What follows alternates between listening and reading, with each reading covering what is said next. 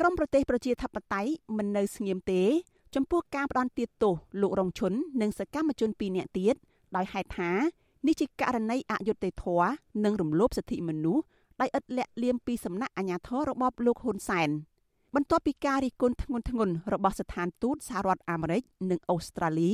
ឥឡូវនេះដល់វេនសហភាពអឺរ៉ុបវិញម្ដង ស្ថានប្រតិភូសហភាពអឺរ៉ុបប្រចាំនៅកម្ពុជា បង្ហោះសារលើទំព័រ Facebook នៅថ្ងៃទី19ខែសីហាថាការផ្ដន់ទាទោសលោករងឈុននិងសកម្មជន2នាក់ទៀតនាំឲ្យសហភាពអឺរ៉ុបមានក្តីបារម្ភពីព្រោះនេះគឺជាការផ្ដន់ទាទោសចំពោះការសម្ដែងមតិរិះគន់ជាសាធារណៈឬក៏ការមិនយល់ស្របផ្នែកនយោបាយម្យ៉ាងវិញទៀតការផ្ដន់ទាទោសនេះបានបង្កជាសំណួរអំពីឯករាជ្យភាព នៃប្រព័ន្ធយុត្តិធម៌របស់កម្ពុជាផងដែរតំណាងសហភាពអឺរ៉ុបដដែលគូបញ្ជាក់ថាសេរីភាពនៃការបញ្ចេញមតិជាផ្នែកមួយដ៏សំខាន់នៃដំណើរការប្រជាធិបតេយ្យដូចគ្នាទៅនឹងតុលាការឯករាជ្យដែលមិនគួរត្រូវបានគេប្រើប្រាស់ដើម្បីបំបិតសម្លេងរបស់សកម្មជនអហិង្សាយ៉ាងដូច្នោះដែរសហភាពអឺរ៉ុបអំពាវនាវជាថ្មីដល់រដ្ឋាភិបាលកម្ពុជាអនុញ្ញាតឲ្យមានសេរីភាពនៃការបញ្ចេញមតិនិងការប្រមូលផ្ដុំ ស្របទៅតាមការបដិញ្ញាចិត្តជាអន្តរជាតិរបស់កម្ពុជាសេចក្តីថ្លែងការណ៍របស់សហភាពអឺរ៉ុបនេះធ្វើឡើងបន្ទាប់ពីតុលាការក្រុងភ្នំពេញបានផ្តន្ទាទោសអ្នកការពារសិទ្ធិមនុស្សនិងជាអ្នកឃ្លាំមើលបញ្ហាព្រំដែនលោករងឈុនឲ្យជាប់ពន្ធនាគារ2ឆ្នាំពីបទញុះញង់ឲ្យប្រព្រឹត្តអំពើបង្កឲ្យមានភាពវឹកវរធ្ងន់ធ្ងរដល់សន្តិសុខសង្គមដោយសារលោកបានបញ្ចេញមតិរិះគន់ពីបញ្ហាព្រំដែនកម្ពុជាវៀតណាម ក្នុងសំណុំរឿងតែមួយនេះតុលាការនេះបានផ្តន្ទាទោសសកម្មជន2នាក់ទៀតគឺកញ្ញាសកនិកានិងលោកតុននិមលឲ្យជាប់ពន្ធនាគារម្នាក់20ខែ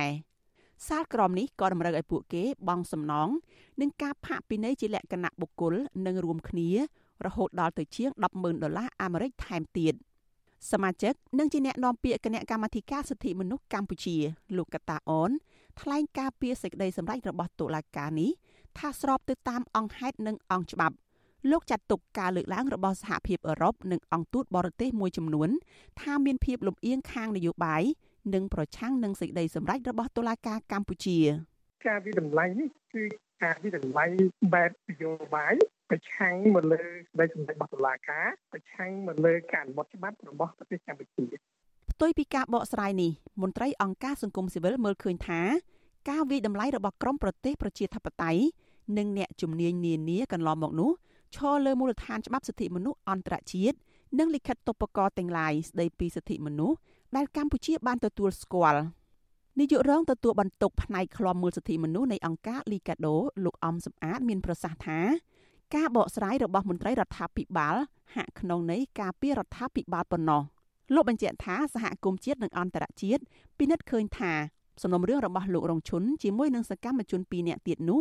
មានចរិតនយោបាយនិងរំលោភលើសិទ្ធិមនុស្សតាំងពីដំណាក់កាលដំបូងនៃការចាប់ខ្លួនពួកគេមកម្លេះ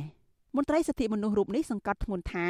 ការផ្ដន់ទាទោសកម្មជនទាំង3នាក់នេះធ្វើឲ្យកម្ពុជាជាប់ក្នុងកំណត់ត្រាអាក្រក់ផ្នែកសិទ្ធិមនុស្សបន្ថែមទៀត ជាសារក្រមមួយដែលធ្វើឲ្យមានការរិះគន់ហើយនឹងកត់សម្គាល់ពីសហគមន៍អន្តរជាតិពិសេសពី EU នឹងទៀតណាអញ្ចឹងយើងក៏មានការប្រួយបារម្ភទៅទៀតដែរពីព្រោះតកតទៅនឹងបញ្ហាសិទ្ធិមនុស្សនឹងទៀតដែរហើយអញ្ចឹងហើយបានយើងជាអង្គការសង្គមស៊ីវិលយើងនៅតែទទូចសូមឲ្យរដ្ឋាភិបាលពិនិត្យនិងពិចារណាណាទៅលើការកែលម្អនៅចំណុចខ្វះខាតរបស់ខ្លួនទាក់ទងនឹងបញ្ហាសិទ្ធិមនុស្សនេះដើម្បីកុំឲ្យមានការ ប៉ះពាល់ឬក៏ការខាត់បងនៃប្រយោជន៍របស់កម្ពុជាតទៅទៀតណាសហភាពអឺរ៉ុបបានដកហូតឋានៈអនុគ្រោះពន្ធ EBA ចំនួន20%រួចទៅហើយបន្ទាប់ពីរកឃើញថាកម្ពុជាក្រោមការគ្រប់គ្រងរបស់រដ្ឋាភិបាលលោកហ៊ុនសែនមានករណីរំលោភសិទ្ធិមនុស្សធ្ងន់ធ្ងរជាប្រព័ន្ធនារយៈពេលប្រមាណឆ្នាំចុងក្រោយនេះ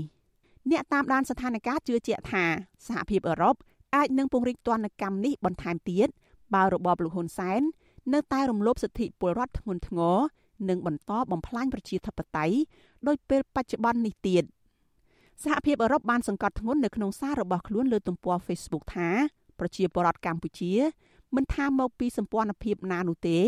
គឺត្រូវតែទទួលបាននូវការធានាសេរីភាពនៃការបញ្ចេញមតិ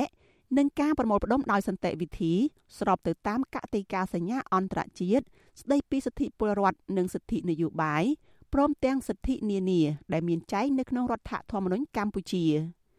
នាងខ្ញុំសុជីវីវិទ្យុអាស៊ីសេរីពីរដ្ឋធានី Washington